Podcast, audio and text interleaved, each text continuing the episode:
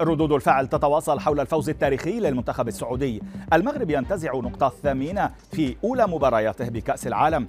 تصميم ساعة رونالدو يثير غضبا لدى جماهير مانشستر يونايتد. أبرز أخبار الساعة الأربع والعشرين الماضية في دقيقتين على العربية بودكاست. ما زالت الوسوم المتعلقة بفوز المنتخب السعودي على نظيره الأرجنتيني تتصدر الترند في مواقع التواصل الاجتماعي خصوصا تويتر وحديث وسائل الإعلام أيضا. ناشطون أعادوا تداول فيديو استقبال ولي العهد الأمير محمد بن سلمان للاعبي الأخضر قبل أسابيع إذ طلب منهم أن يكونوا مرتاحين وأن يستمتعوا بالبطولة. فيما قال إيرفي رينار مدرب المنتخب السعودي إن توجيهات ولي العهد وعدم ممارساته أي ضغوط على اللاعبين كان له أثر كبير في تحقيق الفوز على التانجو. بهدف هدفين لهدف في أولى مباريات المجموعة الثالثة بكأس العالم. وعلى الوسوم الأكثر تداولا نشر ناشطون قصصا طريفة حول أحداث المباراة التاريخية ومنها خسارة رجل أسترالي لنحو 160 ألف دولار بسبب هزيمة الأرجنتين. صحيفة ديلي ميل البريطانية كشفت أن الرجل كان قد راهن بهذا المبلغ الضخم على فوز التانجو بقيادة ليونيل ميسي في مباراته أمام الأخضر لكن حصل ما لم يتمناه. فيما تداول مغردون صورا لمشجعين للمنتخب الأرجنتيني وهم يستبدلون قمصانهم بقمصان المنتخب السعودي. بعد فوزه بهدفين لهدف وتصدره للمجموعة الثالثة في نهائيات كأس العالم بثلاث نقاط ثمينة. إذا في المجموعة في مجموعته هو.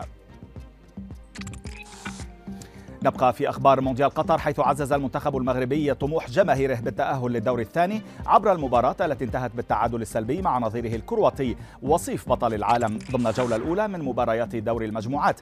ووسط دعم جماهيري هائل في استاد البيت بمدينة الخور تفوق أسود الأطلس في أغلب فترات المباراة خصوصا في الجانب الهجومي.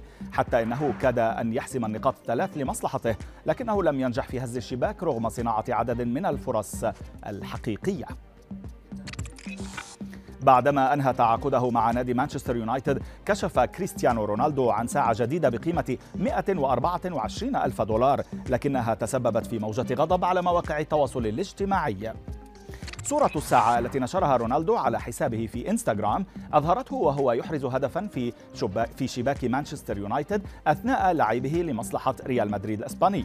فيما يأتي رحيل الدون عن اليونايتد بعد مقابلة تلفزيونية مدونة أجراها الأسبوع الماضي والتي قال فيها أنه شعر بالخيانة من مسؤولي النادي متهما إياهم بمحاولة الإطاحة به. وفي خبرنا الأخير أفادت صحيفة واشنطن بوست بأن ثلث المعلنين الكبار في منصة تويتر أوقفوا إعلاناتهم خلال الأسبوعين الماضيين. الصحيفة الأمريكية أوضحت أن نحو 35 معلنا من الكبار أوقفوا إعلاناتهم المدفوعة بعد سيطرة الملياردير إيلون ماسك على شركة تويتر مشيرة إلى أن مبيعات الإعلانات تمثل أكثر من 90% من عائدات العصفور الأزرق خلال العام الماضي فيما لجأ ماسك إلى فرض اشتراك مقابل الحصول على علامات التوثيق الزرقاء للحسابات لزيادة إيرادات الشركة قبل أن يعلن عن إيقاف تلك العملية مؤقتا.